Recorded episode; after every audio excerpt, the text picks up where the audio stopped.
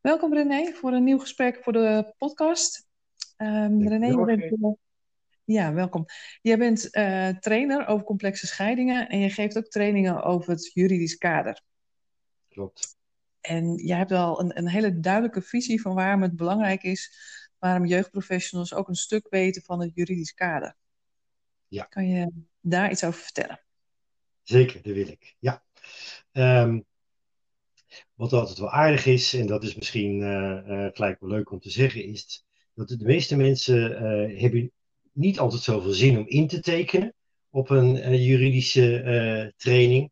Ja. Maar meestal zeggen ze achteraf dat ze toch heel blij waren dat ze het gedaan hebben. Nou, dat, dat kenmerkt misschien hm. wel een beetje de positie voor de hulpverleners. De meeste hulpverleners zeggen, ja. nou ja, het juridische, dat is, dat is ook een beetje ingewikkeld en daar gaat het mij ook niet echt om.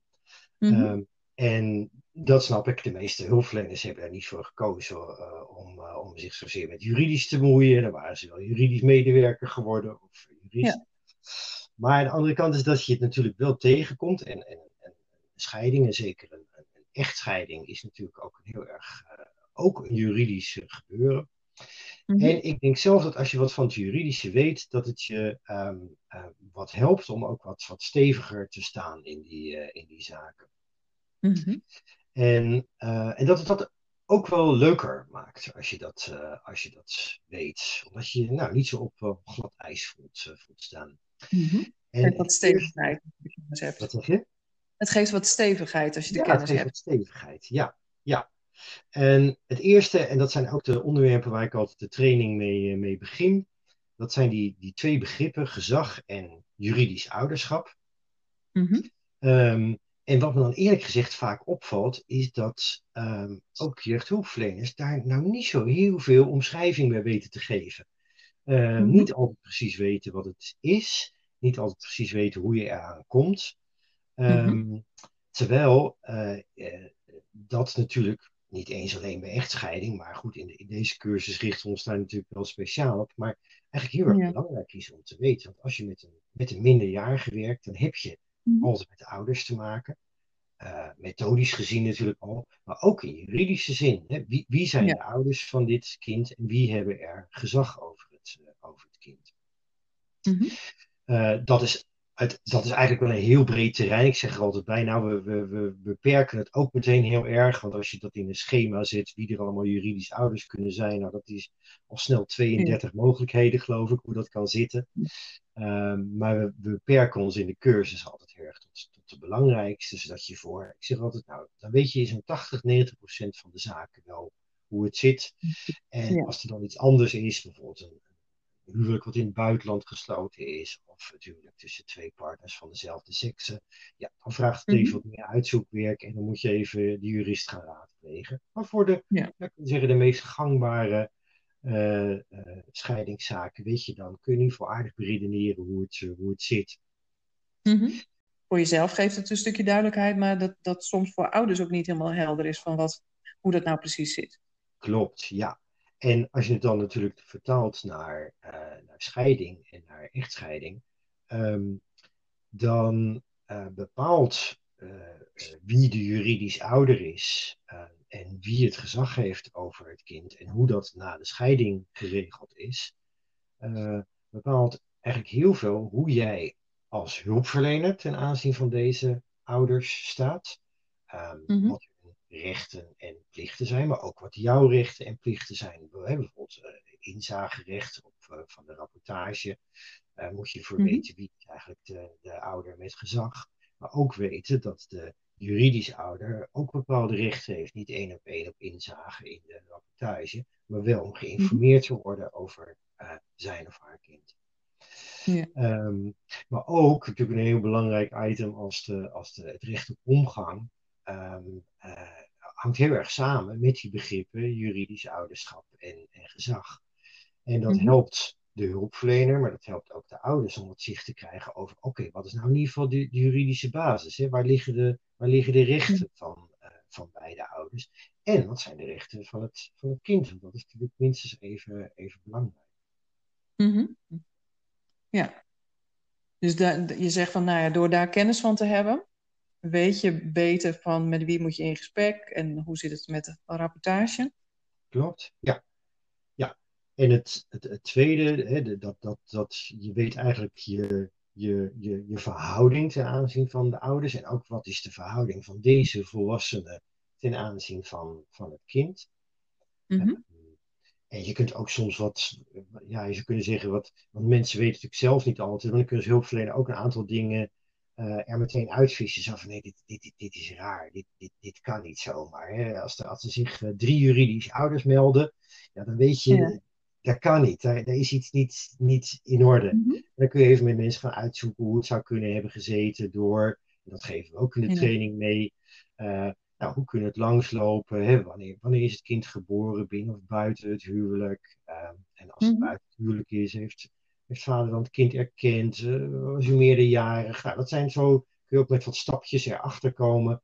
En dan moet er misschien ja. soms wat opgevraagd worden bij de uh, register van de burgerlijke stand of bij het gezagsregister. Maar veel dingen kun je ook vaak beredeneren samen met de ouders ook achterkomen. Hoe zal het waarschijnlijk nou ja. zitten? Mm -hmm. En het, het, het, tweede aspect wat ik uh, altijd benadruk in de training en, en wat, wat naar mijn idee heel helpend is, dat is, um, kijk, die, die, die positie van de, van de hulpverlener, um, die, die, die vinden hulpverleners best wel vaak spannend in complexe scheidingszaken. Er wordt ook vaak aan de, aan de hulpverlener ja, getrokken. Um, ik zeg altijd, ja, vanuit, vanuit de bezorgdheid van de ouders en vanuit hun, hun, hun strijd en hun, onmacht. Ik, ik, ik, vind dat dat ouders niet moeten verwijten. Uh, dat gebeurt. Maar voor de hulpverlener kan dat wel heel lastig zijn om in allerlei dilemma's te komen. Als, ja, vind, wat vindt u ervan dat de kinderen nog naar vader gaan? Of het zou toch niet zo moeten zijn dat de kinderen nog bij moeder kunnen zijn als. Uh, of uh, het is toch onterecht dat ik nog alimentatie betaal terwijl ik de kinderen niet eens zie. En dat zijn eigenlijk, eigenlijk allemaal vragen waar hulpverleners in, in worden getrokken en waar ze soms ook worden mm. verleid om tot, tot een uitspraak te komen. Um, en dat heeft er vooral mee te maken, uh, kijk, als, als ouders uit elkaar gaan, um, dan, uh, dan moeten ze zoveel mogelijk zelf uit, uit allerlei dingen ten aanzien van de opvoeding komen. Um, mm-hmm. En als dat niet lukt, dat zien we natuurlijk in complexe scheidingszaken, um, dan, dan staat hun de, de weg naar de rechter uh, open om de rechter over dingen te laten beslissen. Dat willen ze niet altijd. Um, en, mm-hmm. en, en, dat is het goed recht van ouders. Maar als je niet naar de rechter gaat en je komt er samen niet uit en je komt er met hulp van iemand anders niet uit, ja, dan, dan stopt het mm-hmm. op een gegeven moment. En dan zie je wel eens dat ouders, ja, water zoekt het laagste punt, eigenlijk kijken of ze het via de docent van school, of misschien via de politieagent, of via de mm. heel geliefde hulpverlener, want die is vaak het makkelijkste te bereiken. Helpen. Mm. Eigenlijk kijken of ze dingen op een andere manier kunnen, kunnen regelen. En als je dan niet als hulpverlener uh, kennis hebt van hey, hoe zit dit eigenlijk juridisch en, en waar, waar kan ik uitspraken over doen en waarover niet, mm. Ja, dan, dan begeef je ook echt op, op glad ijs in de zin van uh, mm-hmm. je komt methodisch vaak klem te zitten, want je doet een uitspraak en die gaat onmiddellijk zijn eigen leven leiden. De hulpverlener heeft ook gezegd mm-hmm. dat ik de kinderen niet naar jou, naar jou hoef te laten gaan. Nou, dan heeft mm-hmm. vader wel een advocaat en die zegt dan, nou, waar heeft die hulpverlener het over? Want daar heeft hij helemaal geen recht te spreken over. Um, of uh, uh, in, in, de zin van ja, dat je um, tussen, die, tussen die partijen klem komt te zitten. en, mm-hmm. dus, dus dan zit je methodisch niet goed, maar je zit ook soms juridisch niet goed. En dan kun je ook echt over de juridische grens heen gaan door bijvoorbeeld advies te geven wat juridisch niet, ja. niet kan. Mm. Ja, en nou ja, wel mooi dat je zegt van nou eigenlijk kun je dus drie routes uittekenen voor ouders. Ja. Je hebt de route van um, rechtspraak, hè? vragen rechter om een beslissing te nemen. Of de route dat je er samen uitkomt, of de route dat je een hulpverlener of een mediator of iets opzoekt om jou te helpen om er samen uit te komen. Ja, en dat is ook altijd wat ik benoem in de cursussen. En dat is ook, dat is ook helder aan ouders. En, en die vierde route zeg ik altijd, ja, die is er niet. Dat zou je misschien wel willen, ja. maar die is er niet. Hier liggen de mogelijkheden. Um, ja. En soms zijn er ook nog combinaties mogelijk. Ik, ik, sta zelf niet op het standpunt dat als je de hulpverlening opzoekt, dat je alle rechtelijke procedures zou moeten stoppen. Al zie ik best wel dat er een spanningsveld is tussen het met elkaar bespreken. Mhm. Eh, tussen ouders en naar de rechter gaan. Maar in sommige gevallen kun je zeggen, nou voor dit onderwerp laten wij de rechter beslissen en andere onderwerpen proberen we met de hulpverlening uit, uh, uit te komen. Ja. ja. Ehm, kan je daar een voorbeeld van geven van je zeggen, nou dat, dat kan, op die manier kan het wel naast elkaar lopen? Nou, je zou wel kunnen zeggen dat, dat financiële dingen zoals de alimentatie, dat je zegt, nou hier liggen toch wel ingewikkelde financiële belangen uh, waarvan ik denk dat het beste is dat u, dat, u, dat u de rechter met behulp van advocaten die ook die belangen goed kunnen wegen, dat, u, dat dat bij de rechter ligt. Um, Terwijl uh, ja, misschien opvoedingsbeslissingen uh, wat meer iets is wat je met de hulpverlener wil, wil bespreken. Um, maar soms kan het ook wel, hè, als mensen niet uitkomen, ook ten aanzien van de omgangsregeling, kun je ook zeggen, nou, laten we dan de rechter laten beslissen. Um, maar mm -hmm. daarna zie je toch vaak dat er toch ook nog best wel moeilijkheden zijn. Dus kun je ook met de hulpverlening kijken. Hoe kunnen we dan met die rechterlijke beslissing zo goed mogelijk uh, omgaan? Want dan heeft de rechter beslist mhm. dat de kinderen in het weekend naar vader gaan. En daar heb je misschien als, moeite, als moeder moeite mee. Of misschien als vader had je nog meer gedeeld. Dus dan blijven er ook nog een aantal gesprekspunten over. Waarbij ik dan wel denk dat uh, voor de hulpverlening en voor de ouders het goed zou zijn uitspraak van de rechter wel als uitgangspunt te nemen. Je zou kunnen zeggen, ja, mhm. ehm, als, je, als, je die niet, als je dat niet als uitgangspunt accepteert, dan, dan wordt het heel erg ingewikkeld. Uiteindelijk heeft de rechter op een gegeven moment gesproken.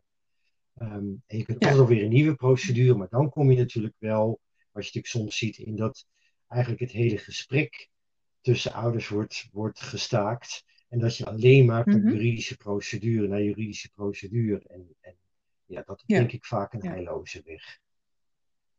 Precies. En dat is natuurlijk ook ingewikkeld als je er dan voor hebt gekozen van, oké, de rechter mag de beslissing nemen, maar dan is het een beslissing waar je het niet mee eens bent en dan gaan mensen toch weer proberen daaraan te morren. Ja. Dus dat ze toch weer niet eens zijn ja. En dat is moeilijk. En in die zin, um, ja, dat, dat noem ik ook altijd wel in de cursus. Kijk, we hebben het juridische nodig, maar het juridische gaat over uh, belangen, rechten en plichten. Um, mm -hmm. En wat het juridische niet regelt, uh, dat zijn emoties. En, de dingen, en, en emoties spelen natuurlijk een enorme rol bij de scheiding. En een rechtelijke uitspraak maakt geen einde aan je angst, maakt geen einde aan je verdriet, maakt geen einde aan je ja. boosheid. Um, en dat is denk ik ook goed dat hulpverleners uitleggen. Waar, waar, waar de rechter over gaat, is een weging van plichten, rechten mm -hmm. en belangen van ouders en van kinderen. En dat doet die rechter zo goed mogelijk. Ik heb wel vertrouwen in dat rechtssysteem, maar dat, dat kan soms best niet goed voor jou uitpakken, omdat, er, omdat je eigenlijk hoopt dat die mhm. rechter ook andere dingen regelt. Maar dat kan hij nou weer niet. Dat die, die rechter kan verdriet niet wegnemen, die kan de liefde niet terugschenken, die kan de boosheid niet wegnemen. Dat, dat allemaal niet. Ik denk dat de hulpverleners dat ook wel aan, aan ouders soms kunnen uitleggen. Het zijn eigenlijk twee verschillende dingen. Ja. Um, en andersom, hè, dus, dus, dat is ook wel goed, als je van de rechter niet verwacht dat hij emoties en, en dergelijke regelt, moet je ook van de hulpverlener mm. niet verwachten dat hij op het terrein van de rechten, plichten en belangen komt. Dat ligt uiteindelijk ja. wel bij de, bij de rechter, uh, die we de taak hebben toebedeeld, mm. om die belangen ook goed af te wegen. Belangen van de ene ouder, van de andere ouder en ja. van de kinderen. Precies. Ja, en dat is denk ik ook belangrijk dat als, je, als hulpverlener dat je ook moet erkennen van wat niet jouw terrein is, waar jij niet over gaat. Ja, en dat is natuurlijk best spannend. Dat, dat is niet altijd, dat, dat noem ik ook wel in de cursus, dat is niet altijd precies uh, uh, te kiezen. En daar zitten best wel dilemma's in. Dilemma's mogen er zijn. Um, ja. Eh, maar als je, het, als je de, de juridische regels kent, als je in ieder geval weet hoe het juridisch in elkaar zit, dan kun je ook beter in die dilemma's meedenken. Um, en blijf je mm-hmm. bij het nadenken over die dilemma's wel binnen de juridische kaders. Dat je geen dingen gaat zeggen.